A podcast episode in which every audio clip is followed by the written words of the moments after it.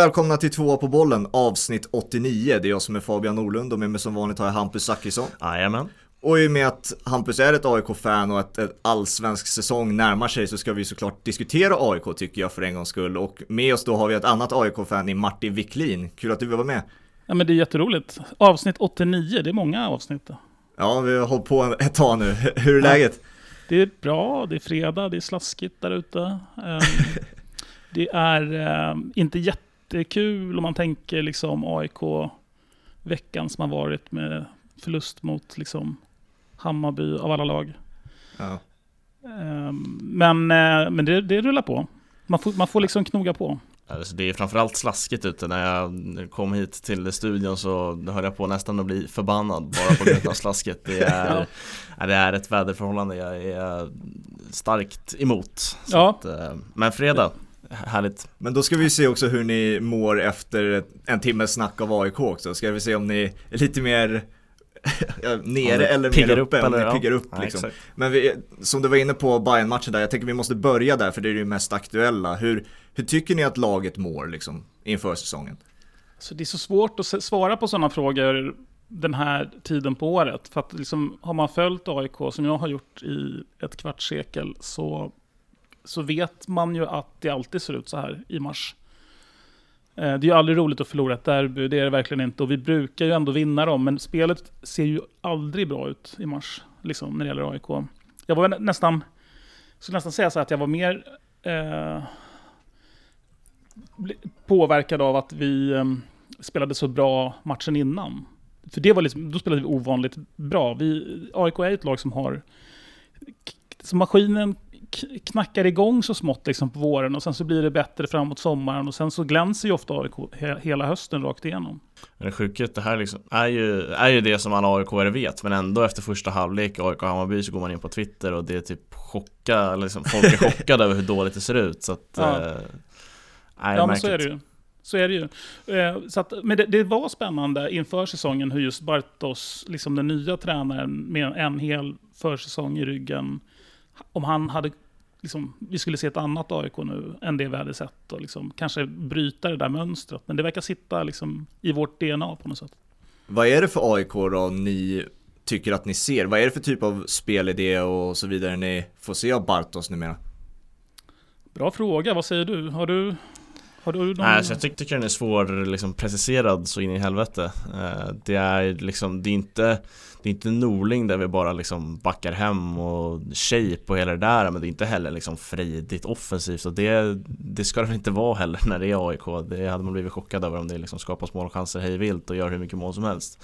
Men jag tycker ändå att det är, alltså det som sticker ut är den individuella friheten där man får göra mycket själv med bollen eh, mm. på ett bra sätt på mång, mm. i mångt och mycket tycker jag där liksom ja, men den personliga friheten är stor och ibland kanske det övergår till att det blir mycket liksom en, en spel att ja men nu har Tom Strandegård bollen, se vad han gör och sen passar han vidare. Alltså, så här, det, ibland kanske det saknas lite mönster men det hoppas jag sätter sig. Alltså, Bartosz fick komma in i ett läge där det var ett kontrakt som skulle räddas egentligen. Mm. Eh, och det gjorde han väldigt bra. Men nu är det en ny säsong och då måste liksom ett eget spel sättas på ett, på ett nytt sätt. Så jag tycker det är svårt mm. att precisera hur liksom nej men hur AIK spelar. Men eh, den personliga friheten tycker jag sticker ut. Det är intressant. Det, det, är ju också, jag menar om man jämför med Rickard Norling, han, där fanns ju inte så mycket individuell frihet um, i hur man får spela. Där, där var ju tvångströjan väldigt, väldigt tajt. Liksom. Uh, men det, jag håller med dig, jag håller med dig. Det, och det är väldigt kul att se Strandegård tycker jag. Uh, ja, definitivt.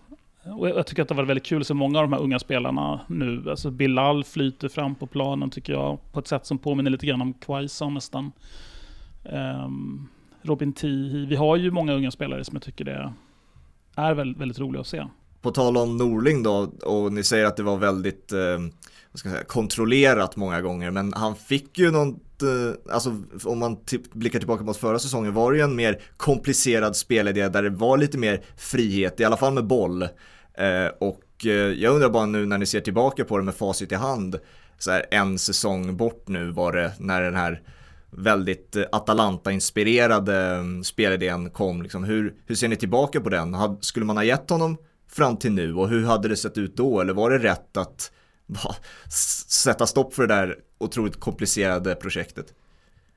Bra fråga. Om du frågar mig så skulle jag säga efter tio omgångar att det var fel att sparka Nordling. Um, ehm, alltså, eller hela upplägget blir fel om man, om, man, om man bestämmer sig för att man ska testa någonting och sen ger man upp det efter tio omgångar. Alltså då, då är det någonting som är fel i, i beslutet från början. Sen kan jag ju se, säga så här efterhand att det kanske var bra. Vi hade, vi hade, hade väl sannolikt kanske åkt ur allsvenskan. um, och det är inte ett pris som jag tycker hade varit värt att betala, även om vi hade studsat upp sen och varit liksom en, ja, lättat mot skyarna liksom med det här nya eh, experimentet. Men eh, det är spännande med Rickard Norling. Han fortsätter, liksom all, han fortsätter på något sätt att göra sig själv spännande som tränare hela tiden. Att han inte fastnar i ett tankesätt. Det, det har vi sett genom historien. Och, um, det i sig är ju en injektion på något sätt. Men det är klart det var så här i efterhand ett, um, liksom ett fiasko att, att, att sätta igång på de lösa bolinerna att bara börja liksom spela så utan att ha värvat spelare för utan att ha tänkt igenom hur man ska spela det och så vidare. Nej men jag landade väl också någonstans i det att efter tio omgångar där så tyckte jag att det var horribelt att sparka honom. Att, för att då, då är det någonting som är fel redan från början. Att man ger, ger honom chansen till att skapa något helt nytt och sen efter tio omgångar så inser man att det, man ger upp liksom. Eh, och det kan man inte göra om liksom, det ska skapas något nytt. Eh, men sen så här i efterhand så var det väl rätt beslut i slut ändå. Eh, det kändes inte som att alltså, han hade behövt mer än bara ett år för att få ordning på det där Atalanta-inspirerade spelet och det var, det var ett pressspel som var liksom man-man över hela banan och det är inte alls det Atalanta pysslar med. Eh, sen har väl liksom Norlin försökt distansera sig också lite från att det, det är inte bara Atalanta, det är ett av lagen man har tittat på för att inspireras. Men just det här pressspelet man-man över hela banan som Norrköping i, ja vad var det, omgång 2-3 eh, totalt synade.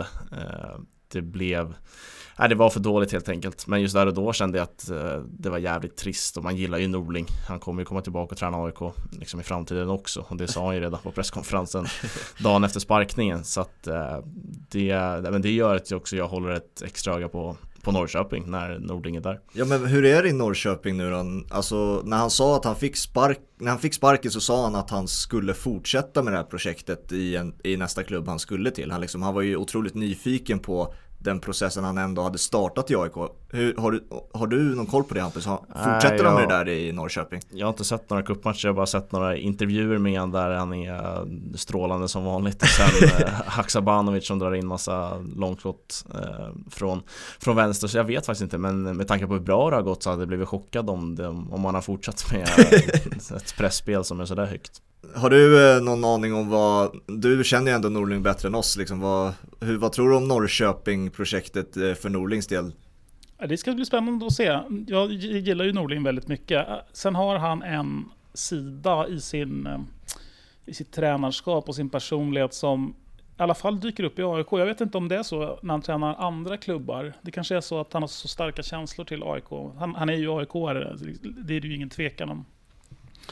Och i AIK så, så, så har Rickard Norling, det blir en tendens att, han, att det blir som en cirkel. Liksom, att det börjar väldigt bra första året och han kan gjuta verkligen energi och, och hans passion och hans enorma liksom, ambition smittar av sig och han kan få spelare att lyfta flera nivåer. Sen så år två, tre sen så tycker jag när jag tittar tillbaka, i alla fall på Norlings tid i AIK, att det kommer en fas där han går in lite för mycket i detaljer och detaljstyr alltså, de, dels kostvanor, kan han gå in på liksom sist, minsta pommes fritesen spelare stoppar i sig, eller hur de ska agera i exakt olika situationer. Och då tycker jag, och det här kan man se i sessionerna han har haft i AIK, både eh, 05 till 08 där och, eh, och, och, och senaste sessionen från 2016, att, att det kommer en fas där han vad är det det kallas på managementspråk?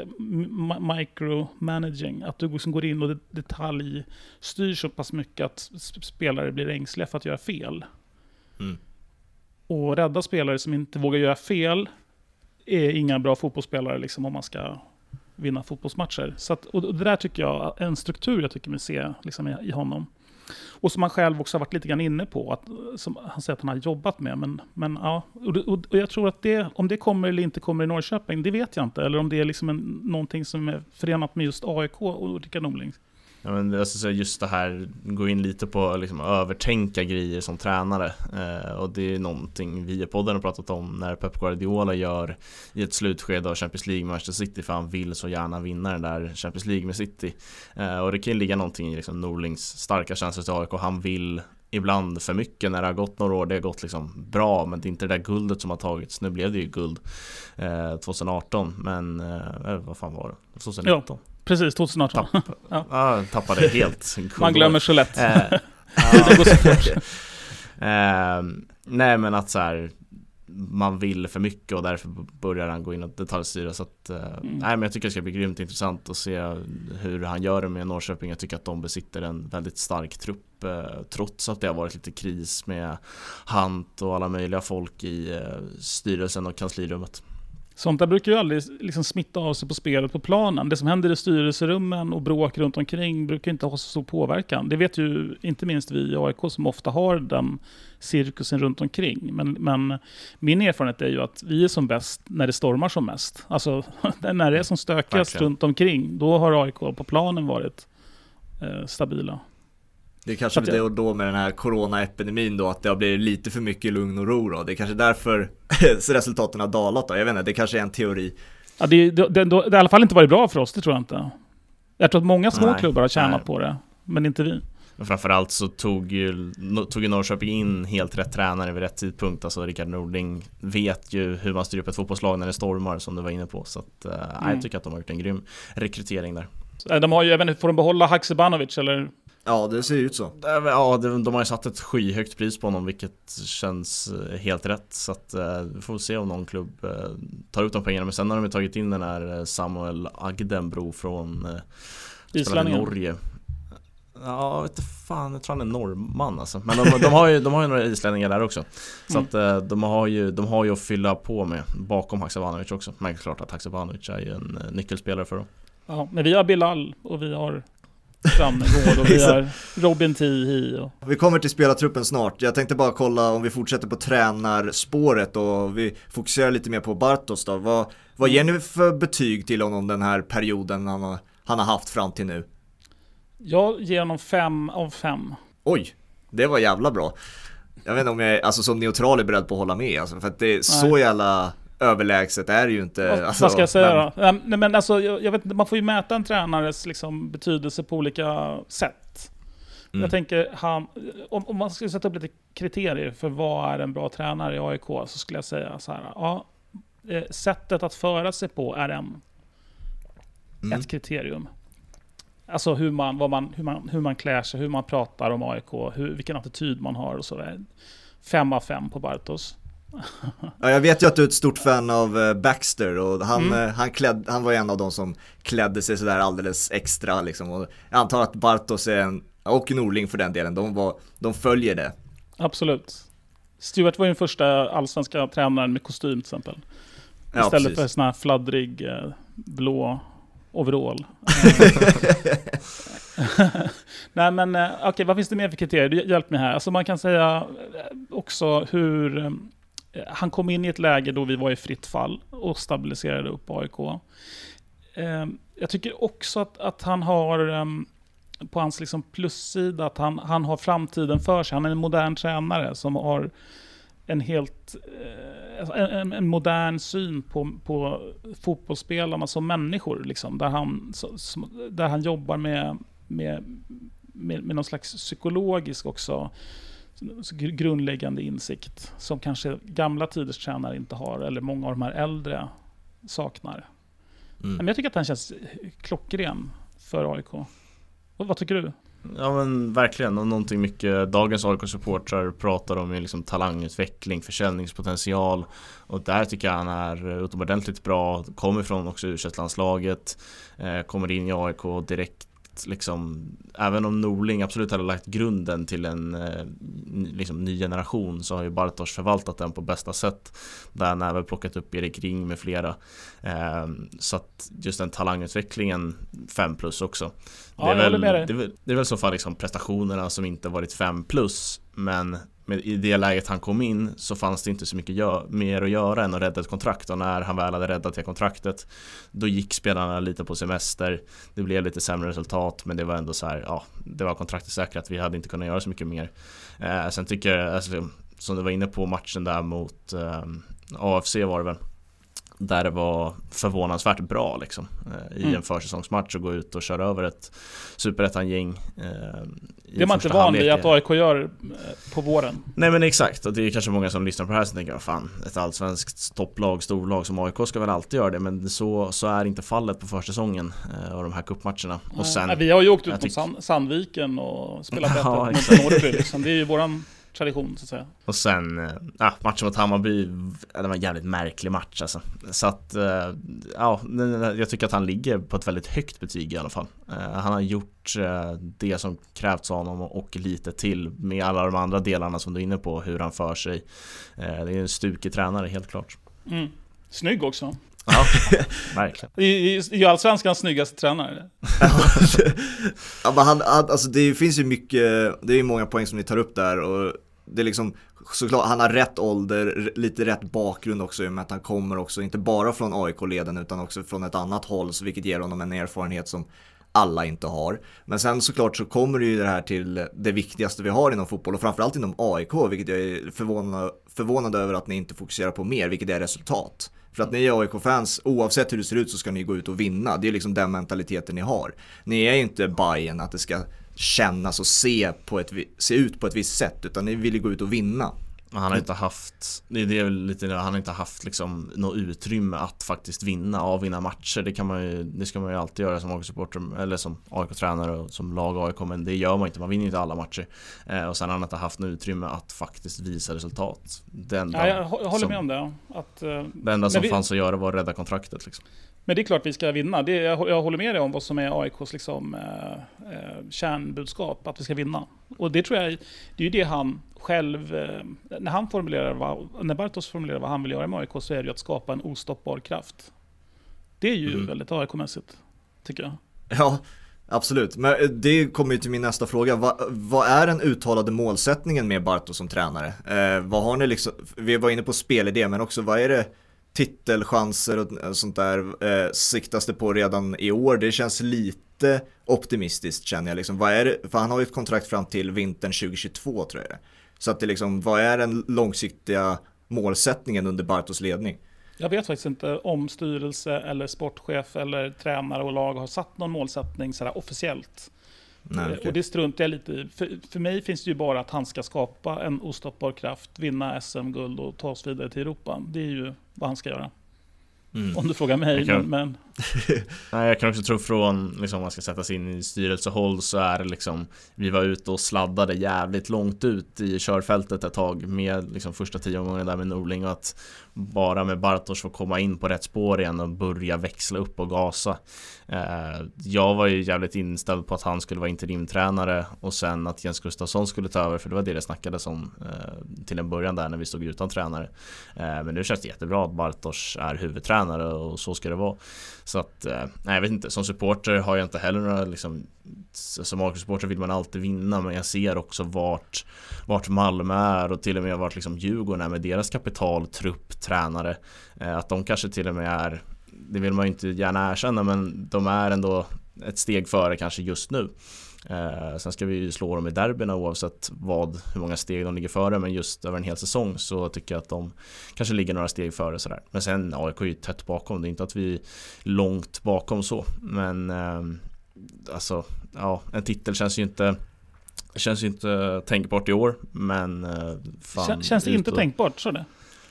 Nej jag vet inte, jag tycker inte det. Jag tycker Okej. inte den här truppen, eh, truppen är där riktigt. Jag håller med. Eh, Men sen, alltså i Allsvenskan har vi lärt oss också att avstånden är inte så stora. Eh, det går inte att värva in, ja möjligen Marek Hamsik då är på den nivån att han är mycket bättre än alla andra i ligan. Eh, det får vi väl se. Eh, men det är i alla fall en spelare som har den kvaliteten i sig. Men vi har ändå lärt oss i Allsvenskan att det går inte att värva till sig titlar. Där, alltså Malmö har inte vunnit varenda titel sedan de fick en halv miljard eh, på banken och det betyder, alltså det, det är ju för att det inte går att värva den klassen i Allsvenskan. Så att det är klart att går man ut, alltså det går att göra, ge ett väldigt bra försök. Hamsik har inte mött Erik Karlen på en fotbollsplan. Nej, det, Jag vet det inte, han har säkert- tanke. Han har säkert mött Seb Larsson men eh, det kommer göra ont att springa in i en eh, Seb Larsson. Alltså det kommer göra ont och åka in i en reklamskylt när Erik Karl sätter in en tackling. Eh, det, vet ju, det vet ju Radetinac i Djurgården hur det känns. Ja, exakt. Just det. Men ska vi ta spelartruppen då?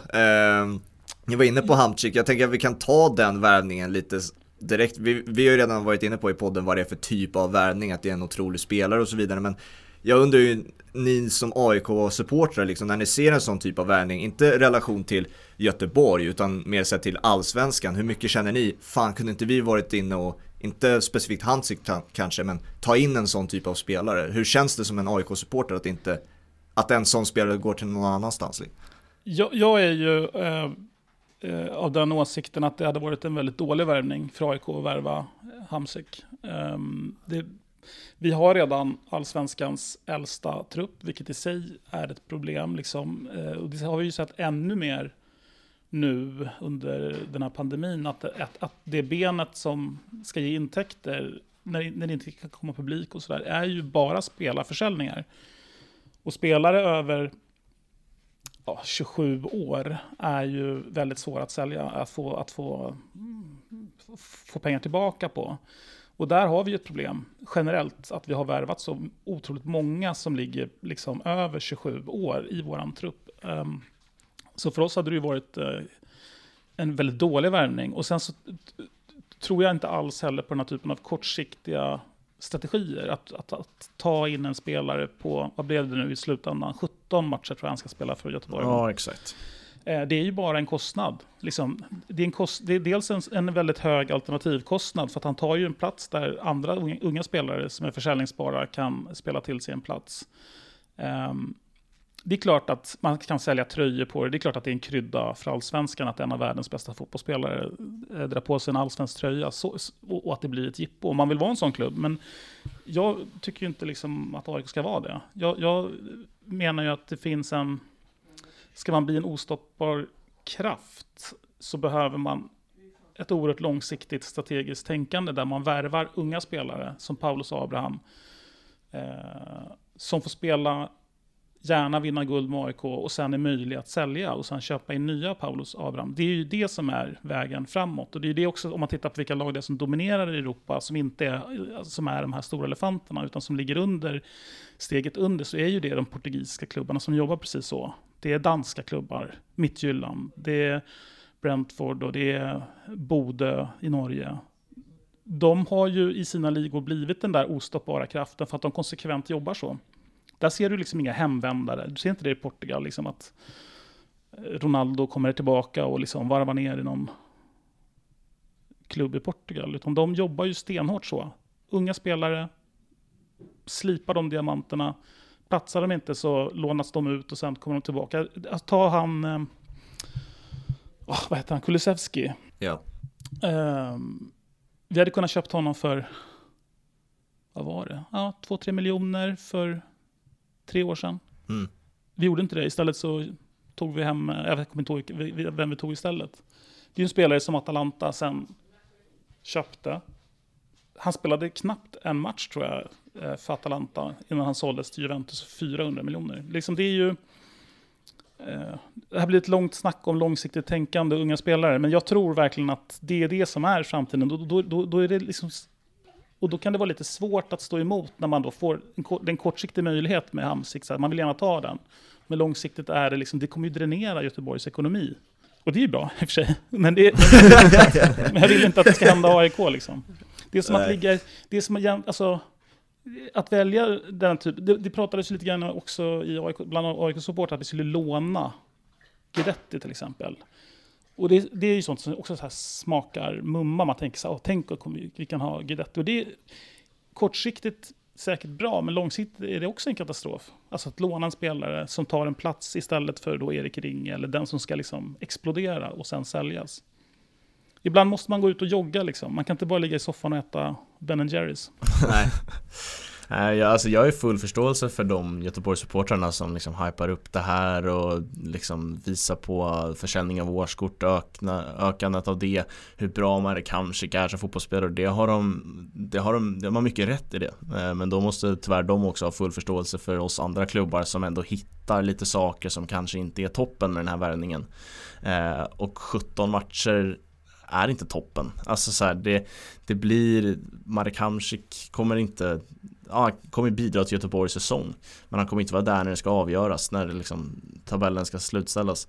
Och rent känslomässigt då Om jag hade en spelare i AIK så ja men Jag vet att den här killen inte kommer vara kvar. Det är en grej, alltså så här, Vi kanske inte kommer ha alla spelare som startar. De kanske inte, kanske inte kommer att avsluta men De kommer kanske ge någon avkastning ändå eh, Om de inte är med och avslutar säsongen. Ja men precis. Alltså rent känslomässigt har jag svårt liksom jag som AIK-supporter tycker inte det är wow med Mark Hamsik till Allsvenskan för jag bryr mig inte om vilka spelare andra lag har. Eh, det är klart att det är en krydda för Göteborgssupportrarna men det är också en värvning Alltså det är mycket, det, det blir lite legosoldatsmässigt liksom. Ja men vi tar in en kille, han ska spela här. Jag tror, jag tror inte han kommer göra en match efter EM i Göteborg. Eh, Även om han har kontrakt till 31 augusti så tror jag inte jag han kommer ansluta efter det. Eh, Han har säkert någon klausul som gör att får han ett större kontrakt och bättre kontrakt i Europa så får han ta det.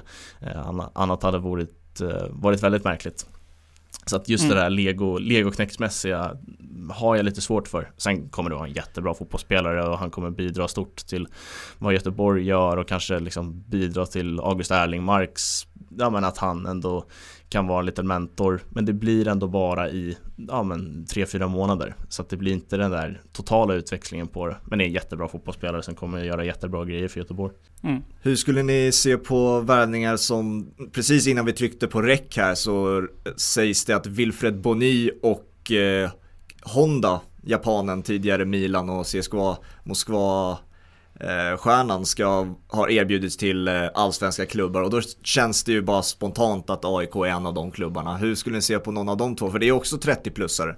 Jag säger samma sak som jag sa om, om Hamsik. Det, det, är inte den vägen AIK ska gå tycker jag. Hur frestande den kan vara kortsiktigt så är det så otroligt eh, straffande långsiktigt. Och jag tycker egentligen inte att... Eh, jag tittar egentligen inte bara så här, ja, men mitt fokus är inte bara att 2021 ska AIK vinna guld eller komma till Europa, även om det är viktigt för mig. Ännu viktigare är att AIK vinner återkommande, helst varje år, 10-20 år framöver. Och då, då behöver man liksom ha snarare den strategi som gjorde AIK stora. Så vi spelade ju i Europa 10 år i rad, från 2011 och fram till, var det för, första gången förra året som vi inte spelade i Europa. Liksom. Genom den strategin att vi värvade unga spelare från vårt egen, egen akademi, egenfostrade spelare. Herregud, vi har ju haft Quaison och Isak och du kan ju bara nämna hur många som helst som... Eh, ja, och det, det, det, är ju extra, och det är också sånt som gör extra roligt att vinna med den typen av spelare. Att slå Bayern förra året eh, med Robin Tii på plan och Bilal Hussein mot ett Hammarbylag som har en stockholmare i hela sin trupp. Det är ju nej, extra magiskt över, tycker jag. ja, verkligen håller med. Och sen, jag tycker just i Wilfred Boni och Kashika Hondas fall så blir det ju sämre än Hamsik, för Hamsik har ändå ett EM. Han kommer vilja vara i bra form till det EMet, så att jag tror inte han kommer gå ut och liksom semesterlira här med Göteborg. Jag tror att han kommer bli riktigt bra på grund av det EMet. Men mm. Wilfred Boni och Kashika Honda har inget EM att se fram emot. Så att jag vet inte, de känns väldigt avdankade och liksom den här flykten av kinesiska ligan ja, rent medialt så förstår jag värdet i det, alltså så här, att de vill lyfta sig, ja fan de här storstjärnorna är på väg till Allsvenskan. Men för rent klubbarna måste ju se till vilka spelare det är idag. Jag tror inte, alltså de är ju, alltså Kishika Honda är ju gammal vid det här laget, han var ju asbra. Uh, 33 koll. tror jag han är. Ja, det kanske inte var, då var han inte så jävla gammal som jag tänkte mig.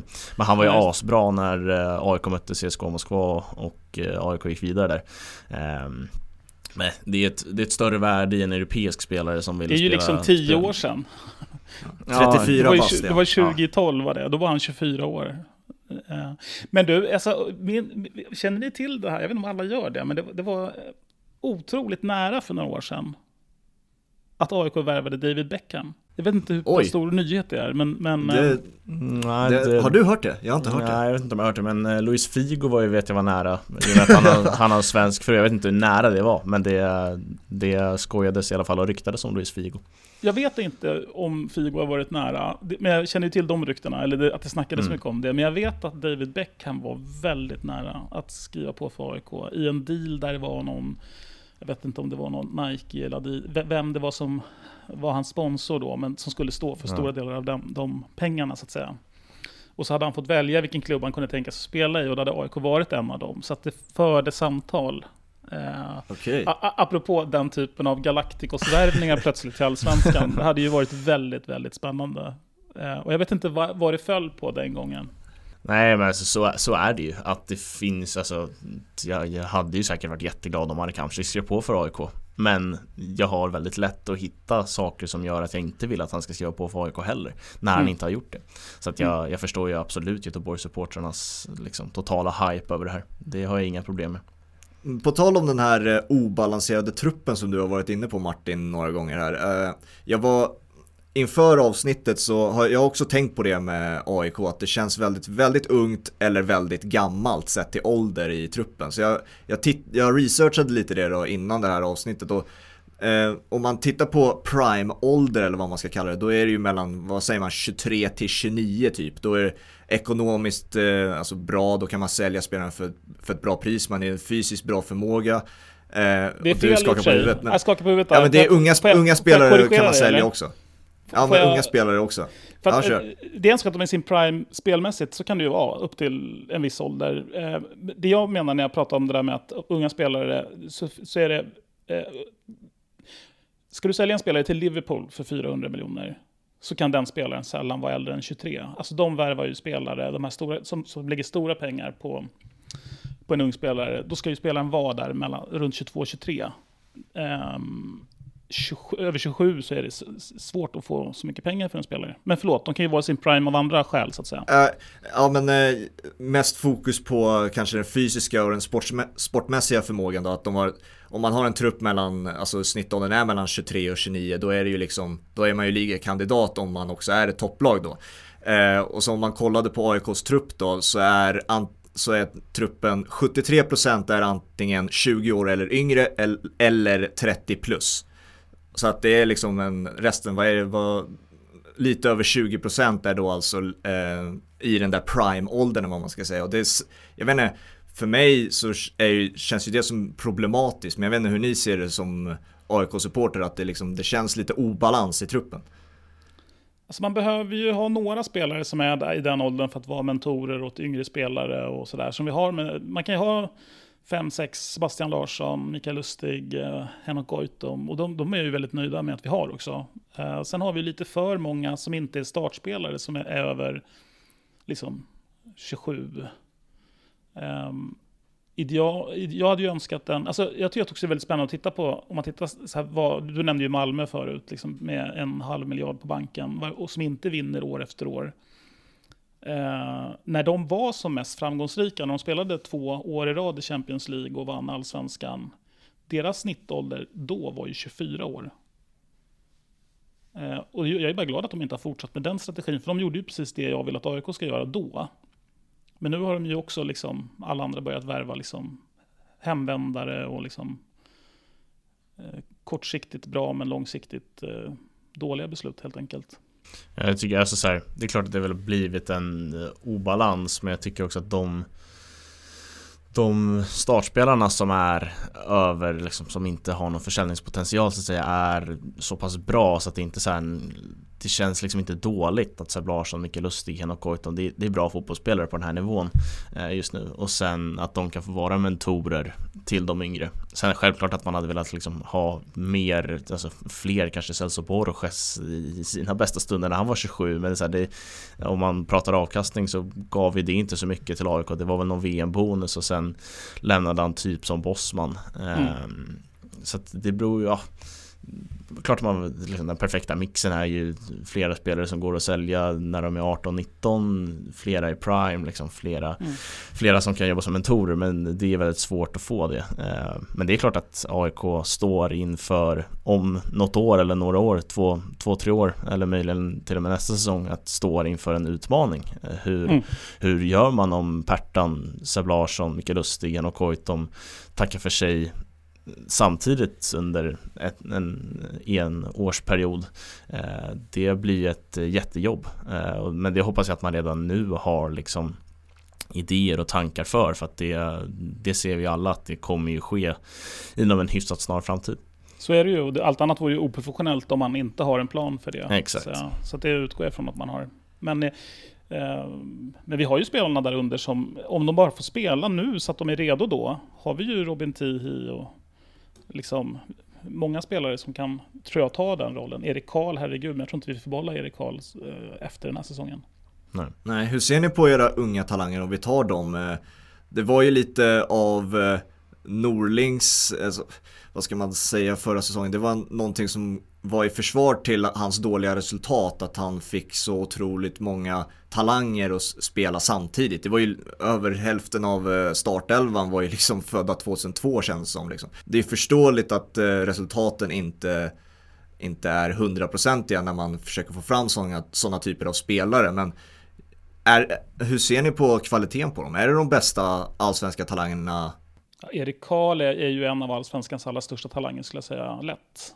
Uh, Robin Tihi har ju också stunder och han är fullkomligt briljant, men behöver väl jobba på en del saker. Han är ju också ung. Stannegård har ju också enorm potential. Jag kan inte de andra lagens talanger, så jag kan inte riktigt jämföra. Uh, men jag känner mig otroligt trygg liksom med, med våra unga spelare, vad de har på gång. Erik Ring. Ja men verkligen, jag tycker att så här, jag vet inte, Tom Sandegård har utgått lite från en kant, eh, även liksom mittfältare, vi har ju ett väldigt så här flärdigt och lena fötter på ett framtida mittfält om Tom Strandegård och Bilal Hussein skulle bilda det. Eh, då behöver man väl en, liksom en mer fysisk spelare bakom dem kanske, men det blir ett problem för senare för de ska inte spela tillsammans på mitten än. Eh, men som du säger, liksom man känner sig trygg i de talangerna som är i AIK nu och får speltid.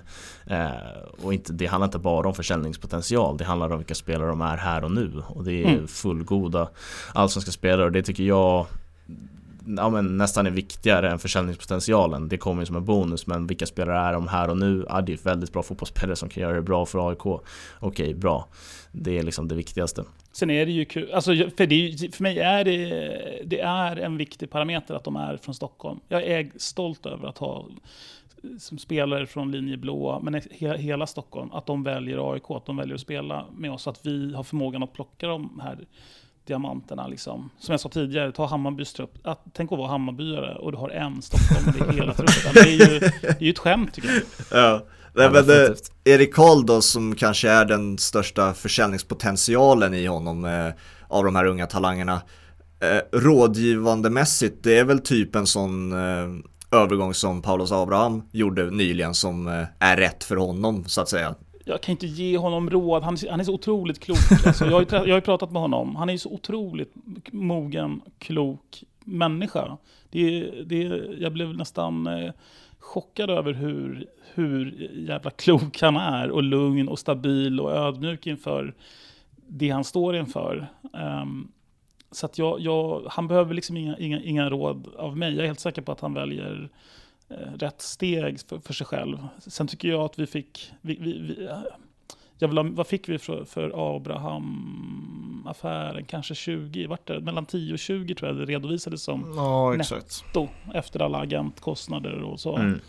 Jag tycker ju att Erik Karl det känns också lite hemskt på ett sätt att sätta priser på spelare. Så att, man ser, att man ser dem som belopp. De är ju människor, de är ju som AIK-are i första hand. Ja. Men, men jag skulle ju tänka mig att han kan gå för 40 miljoner.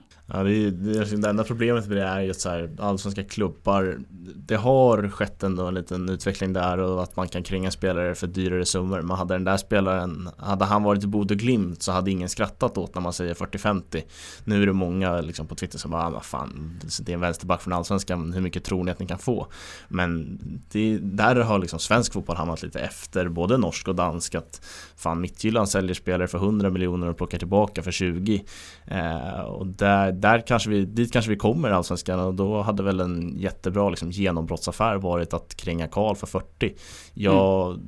jag vet inte, svårt att se det i nuläget, eh, tyvärr. Jag det är lite andra är... summor nu under, under, under pandemitiden också. Exakt, men, det, äh, det med. Ja, men jag, Erik Karl är ju en blivande landslagsman. Eh, utom ja men så känns det verkligen. Jag tycker att han liksom uppför sig på ett väldigt moget sätt Både i spelet men också i den mentala biten framförallt eh, mot Hammarby eh, Jag tycker att han Hans stora styrka ligger i defensiven vilket man kanske inte jätteofta ser på ytterbackar idag Även om han har en bra offensiv Och sen också den mentala styrkan att han har det ganska tufft första 45 mot Amo och i matchen överlag Men hittar tillbaka till det där liksom hans mm. vanliga jag i andra halvlek och gör, gör en stabil insats. Så där, mm. den styrkan är också väldigt viktig att ha med sig. Alltså jag har inga tips heller, eh, men, eller jo, jag har ett tips till Erik Karl. Eh, men det är inget spel, alltså spelmässigt, utan jag tänkte mer på hans frisyr eh, mot Bayern. Han hade jävla problem med att lockarna slog i ögonen hela tiden. Alltså jag kan föreslå ett pannband kanske till nästa match, eller klippa sig, någon av dem. Ja. Jag, jag tänkte det var bara en... Han håller hela tiden på fixar till lockarna ja. för att de, ja, han ser ingenting när han spelar. Det kanske är en fördel. Med ett pannband kan det kanske bli en fem miljoner till. Ja, han, exakt. Pannband, det är inte riktigt, det, det är liksom inte AIK riktigt med pannband. Nej, äh, När Koffe eh, körde pannband, det är så lite ovant. Man tänker på Elfsborg när man ser spelare med pannband. men, men, nej, men eh, det är som Ronaldo också, så han håller ju alltid på att fippla med sin frisyr första 20 minuterna och sen exploderar han i matcherna. ja, det är en bra jämförelse, Erik Karl och Ronaldo.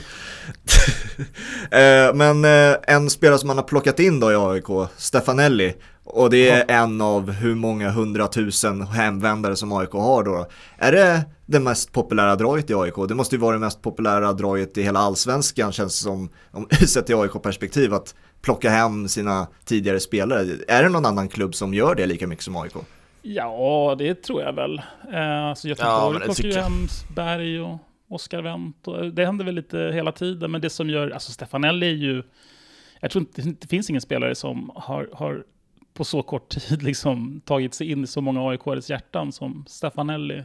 Um, pojken från Argentina som verkligen hittade hem i AIK-landskapet här i Stockholm. Han, han, gick ju på...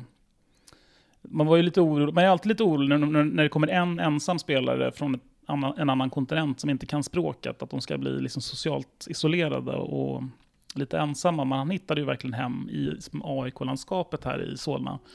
Gick på AIKs dam, damers matcher, han gick på AIK Hockeys matcher. Han till och med tittade på, nere på Skytteholm där min son Dante spelar i AIK Pojkar 07, satt han och tittade på deras träningar.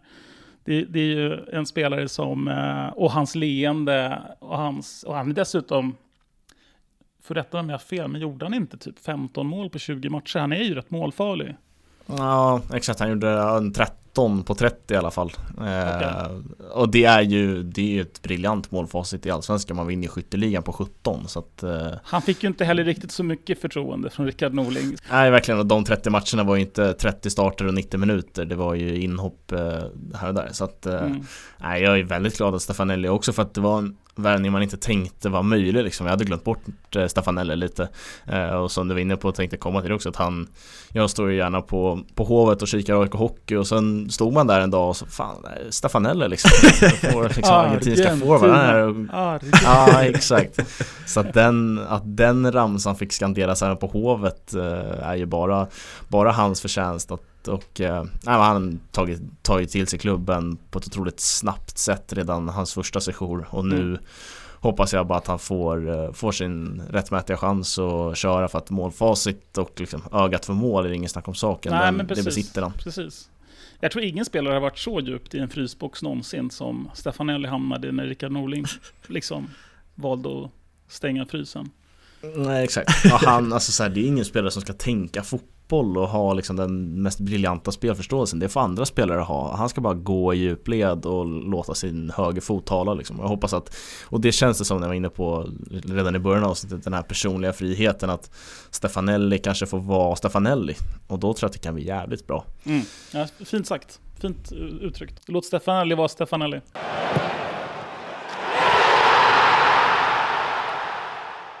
Två på bollen är sponsrad av Mate 10 och det är ju mest prestationshöjande teet på marknaden och eh, det är väl det egentligen som ska ersätta kaffe och allt det där. Nu gillar jag kaffe också men jag tar ju inte kaffe och mate separat utan jag gillar ju att ta båda samtidigt så att säga. Jävla energiboost ja, man får då. Alltså. Jävlar vad du måste köra. Är otroligt. Eh, och prestationshöjande låter ju nästan eh, som dopning men det, det här är ingen dopning. Så Nej, det, exakt. Det är helt lugnt, men det känns som dopning. Ja, men idrottsmännen kör ju fotbollsspelare, alltså det är ju en van bild numera att man ser alla när de ska till matcher, att de håller ett varsitt kopp av mattea, eh, sydamerikaner, spanjorer, till och med engelsmän ryktas det om nu ja. Exakt, jag har tappat namnet på killen men jag för mig att jag såg en Brighton-spelare och de var inte bara engelsman, engelsmän men det var en Brighton-spelare där jag hajade till lite att så fan han dricker matte-te alltså, så att det, äh, det sprids ju som en löpeld där ute i fotbollsvärlden framförallt eh, så att eh, Drick, eh, drick te som fotbollsstjärnorna helt enkelt. Exakt, så då behöver ni bara gå in på matte 10 och sen så använder ni koden 2PABOL. Alla bokstäver i eh, versaler så får ni 10% rabatt på alla produkter som går att köpa där. Så har ni då eran eh, perfekta prestationshöjande te ni också. Grymt generöst av Mate 10. Tack! Tack! Två på bollen är i samarbete med Smasha och om det är dags att köpa paddelträningskläder eller träningskläder rent generellt då är det bara att svänga in på smasha.se och hitta dig ett träningsplagg som passar perfekt och är superbekväma och är skitsnygga. Vi har också en rabatt på hela 25% på alla produkter om du använder koden 2PABOLLEN så helt enkelt en no-brainer så du bara gå in på smasha.se och välj ut ett plagg som passar dig bäst. Tack Smasha! Vi är i samarbete med benskyddsföretaget eh, Monolit och eh, du eh, Fabian kan ju allt om de här benskydden, spelar ju fortfarande aktivt fotboll, det gör ju inte jag så att berätta hur, hur är benskydden? Ja det finns ju två att välja mellan, en större par eller ett mindre och jag föredrar ju precis som många andra kan jag gissa som spelar fotboll att eh, ju mindre desto bättre. Men det som är så bra med Monolit är också att de passar perfekt och det är därför jag väljer att använda dem när jag spelar fotboll. Och jag som ytter också liksom vill inte ha någon extra, men extra vikt på, ben, eh, på benet eller något som sticker ut sådär utan man vill ju ha dem att de sitter på smalbenet och bara sitter så att man känner sig hundraprocentig och man inte tänker på att benskyddet är där, men de är där. Exakt, även om inte jag spelar aktivt så har jag testat de här benskydden och det kanske är något av det skönaste när man inte spelar i ett lag längre och tränar som liksom måndag till fredag mm. eh, är ju att slippa benskydden. Men eh, det var en otroligt lätt känsla att ta på sig de här benskydden och det, eh, det liknar mer att inte ha benskydd än att faktiskt ha benskydd på sig och så skyddar de ju lika bra som vanliga benskydd. Så att, eh, nej, fantastiska. Precis, precis, så gå in på Monolit och hitta benskydden för dig också.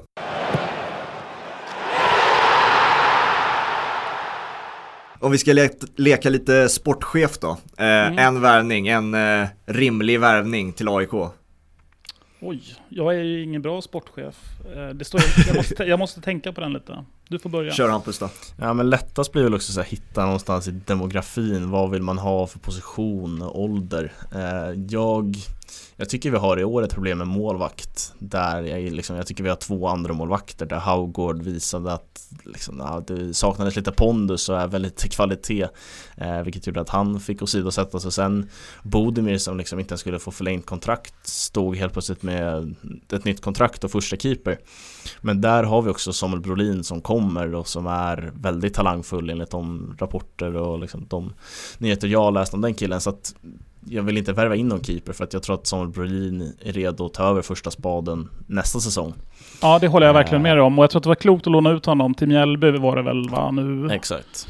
Han har ju fortsatt tränas av eh, Stamatopoulos under sin tid, när han har varit utlånad tidigare. Eh, jag tror jättemycket på honom i framtiden. Jag tror att han är en, en riktigt bra målvakt för oss nästa säsong. Det blir ju lätt att jämföra med Oskar Linnér, typ samma längd, eh, unga AIK-keeper. Han känns liksom rappare än Linnér på något sätt. Jag tycker Linnér var en ganska bra keeper, men han var ganska trög i sina stunder.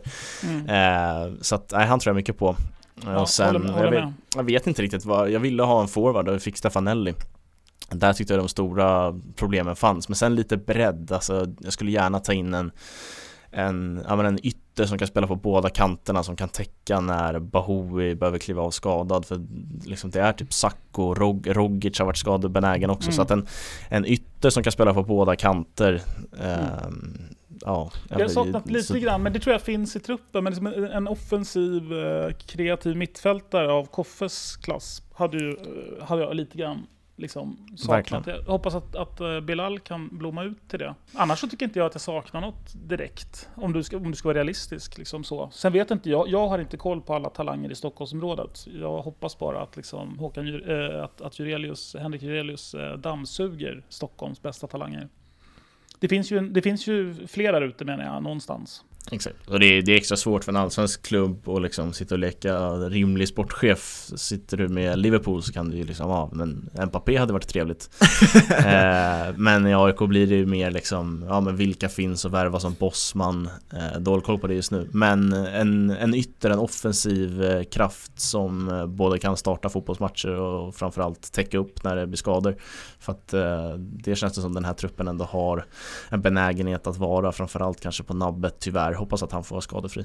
Ja, det, det, det, det är spännande. För får han vara skadefri så har vi ju supervärvning redan i honom. Ja, jag. verkligen. Med erfarenhet från akademier runt om i Stockholm så finns det ju Paulus Abraham, alltså precis överallt. Eh, sen såklart så, alltså man måste ju ha tur också att de, de har rätt personlighet och rätt självförtroende att blomma ut även på den, på den allsvenska scenen. Men alltså de typen av råa talanger, de finns överallt i Stockholm. Så att, Mm. eh, jag, jag håller med. Det, och jag tycker många Stockholmsklubbar har varit lite för dåliga, både att ge dem chansen men också som du säger dammsuga. Alltså verkligen suga upp alla de där talangerna som finns. För att eh, man vill hellre, som ni vi har varit inne på i dagens avsnitt, liksom bara ta hem eh, tidigare spelare eller eh, ge de här 33-åringarna chansen istället för en Paulus Abraham. Liksom. Det är där problemet ligger.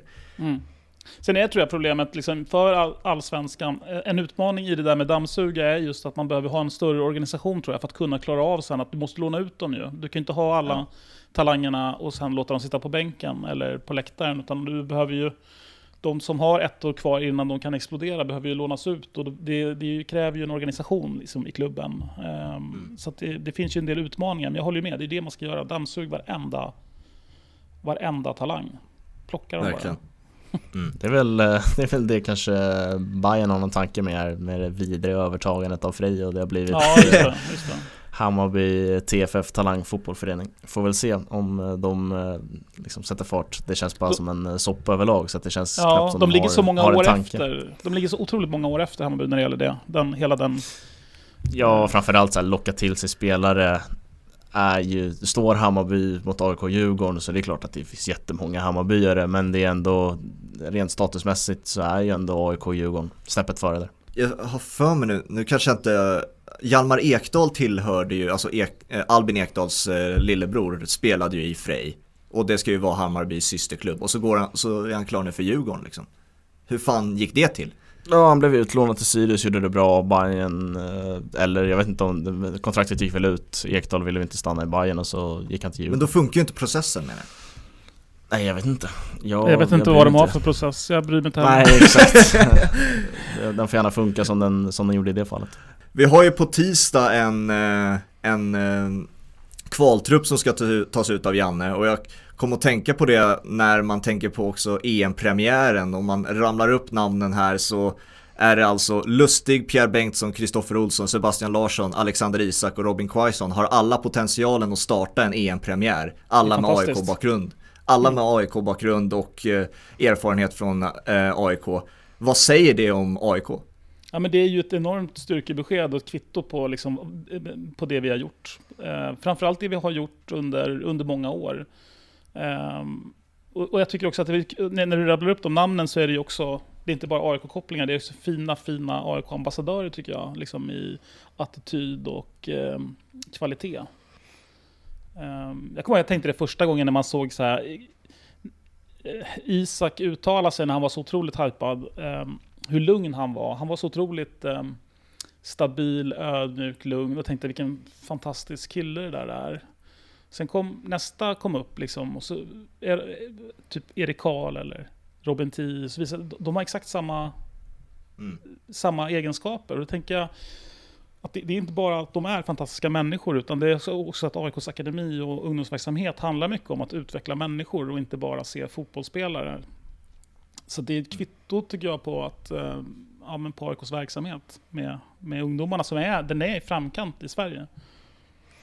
Vi snackade om liksom en process i Hammarby som vi varken vet hur den fungerar eller bryr oss om egentligen. Eh, men det här är ju liksom det ultimata kvittot på en fungerande process när du har landslagsspelare som har gått via AIK och studsat ut ordentligt i Europa.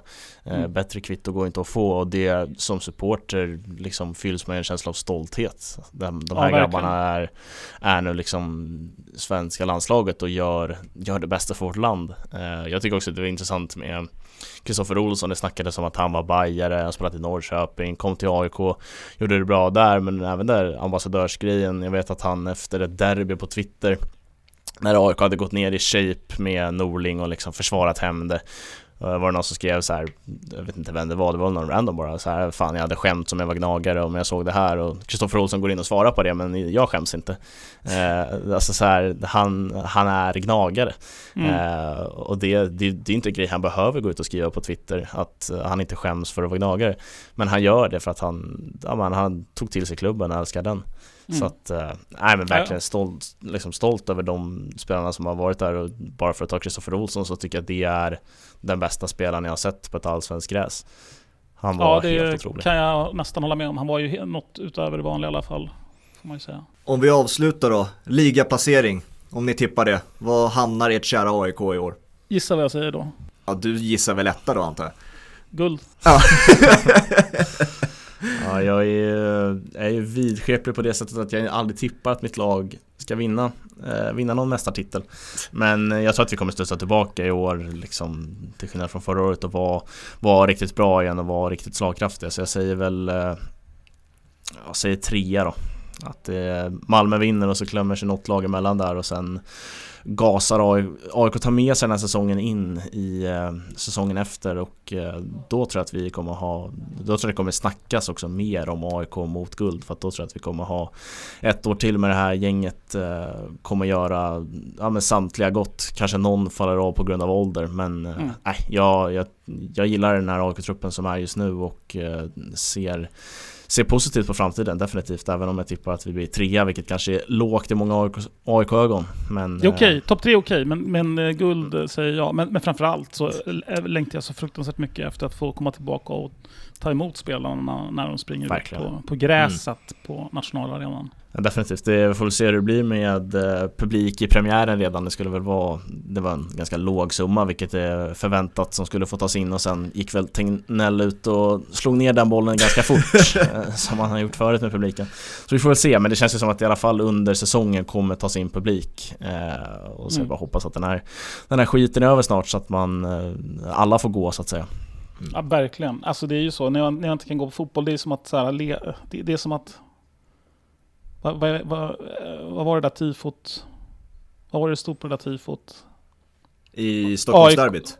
nej, jag tänker på det här AIK, det som får oss att leva och inte bara existera. Det har ju varit ett sånt ja, man liksom mest har existerat och inte fått liksom ja. leva.